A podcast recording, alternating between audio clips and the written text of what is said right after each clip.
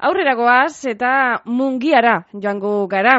Mungiako udalak 2008 eh, irurako aurrekontuen ganeko prozesu parte hartzailea abiarazi daualako. Herritarren lehentasunak ezagutzea eta gazteen parte hartze zabalagoa lortzea dira udalaren helburu nagusiak. Eta bestaldean e, ager izagirre daukagu mungiako alkatea da bera. Ager, egunon? Egunon guzti. Bueno, e, konta iguzu pizkatzu bat e, garatuago, zeintzuk dira, e, aurrekontu parte hartzaile honen eh, helburu nagusiak?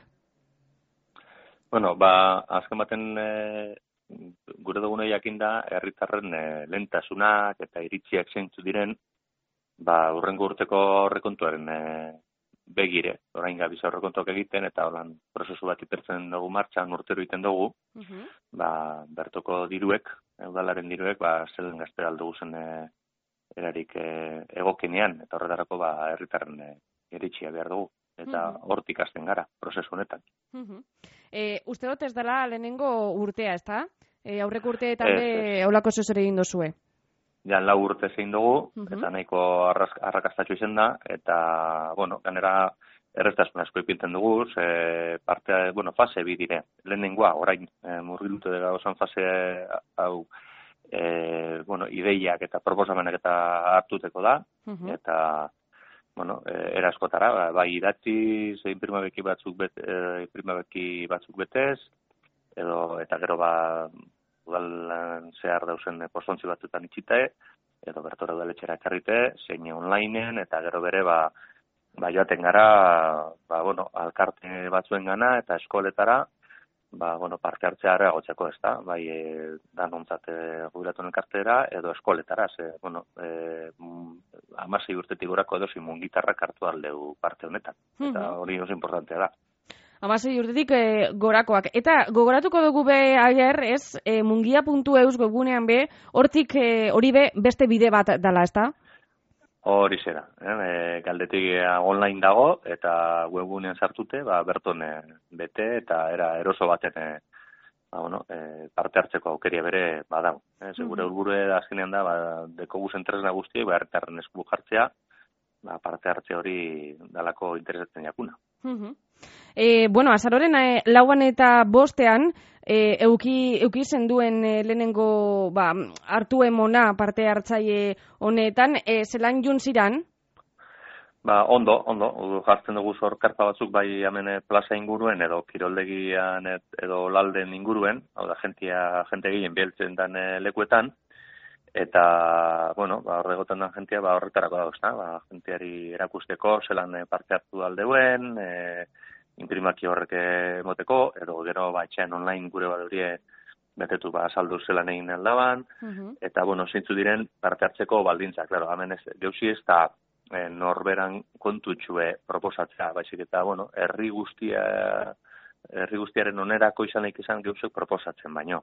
E, ordeno hori bere, ba, pedagogia hori bere egiten dugu. Eta gero baita bere, joaten gara balentzat zuten muden, ez da, ba, herriko e, ikastetxe guztietara, amasei urtetik gorako engana, uh -huh. ikastola, e, zein institutora, ba, ba, eure ibere aurkeztuten proiektu hau, eta euren eritxea jasotzen. Oin fase honetan ideia jasotzeko, gero ideiak batuko dugu, teknikoki, ia zentzu diren bidaragarriak eta aztertuko dugu, eta gero alderdi guztien artean, zehortan e, adostasun osoa deko eta hau batesun hartzen dugu, zeintzuk izango diren, bigarren fase baten, ja, herritarrok e, baloratu izango dugu zenak. Eta balorazio horren ostean, urtengo dire, zentzuk izango diren, ba, gurren gurterako aukeratutako proiektua. Mm -hmm. e, Lako prozesuakaz, ba, egin izan dira, aukeratuak izan dire, ba, didez, kiroldegiko eh ahonditze obrak edo edo puntrak edo fubito kantxa barri bat jartzea edo rokodromo bat edo bueno autokaraban entzako parking bat ba holako hainbet geuse urten dire prozesu batatik eta bueno azken baten herritarrek proposatuak eta danontzako ba oso interesgarriak direnak. Hori izan eh, azken azken galdera eh, proiektuen proposamenak eh, zelakoak izan behar diren eh, be gogorarazi dozu ezta. Bai, bai, importantea da, ze, karo, a ber, hemen ideiak tanu dekuz, bai, gero bidea garrak izan Mhm, aldire, ezta? claro. Nigandik azite.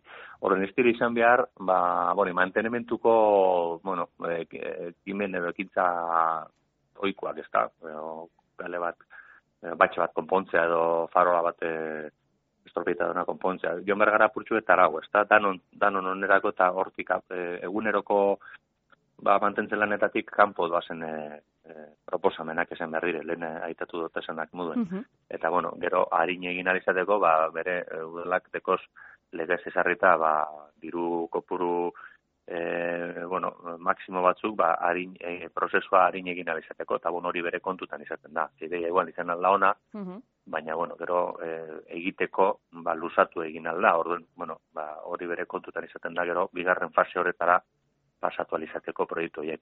Hortik bere urten da, ez dire bakarrik e, obrak izan behar, eh?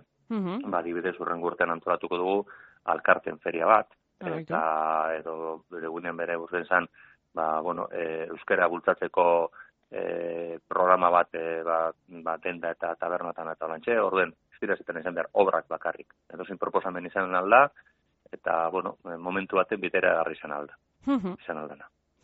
Ederto, ba, ager, eh, izagir ez dakit, eh, zezer gehiago gaitu gure badozun, edo, bueno, gonbidapena, ez, e, mungitar guztien txatia, ba, parte hartzea be mm, garrantzitsua dala esan ez, ezta?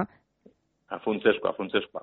Gue, ganera gu pozik hartzen dugu proposamen guztiek, zen naiz eta bigarren fase horretara espazeu, edo bideragarriak izi zen, edo bestelakoak izen, eh, danak laguntzen duzkue gero gure egunerokoan bere. Orduan, eh, mesedez parte hartu, ilur barik, eh, hainbete bide dauz parte hartzeko, bakotxak aukeratu diela ondo datorkona, eta eta danon honerako izango da, beraz, aurrera. Ederto, ba, ger, izagirre mungiako alkatea mi esker bizkaia irratian azalpenak eh, emateagatik, eta hurrengo arte. Zeuk nahi arte. Agur.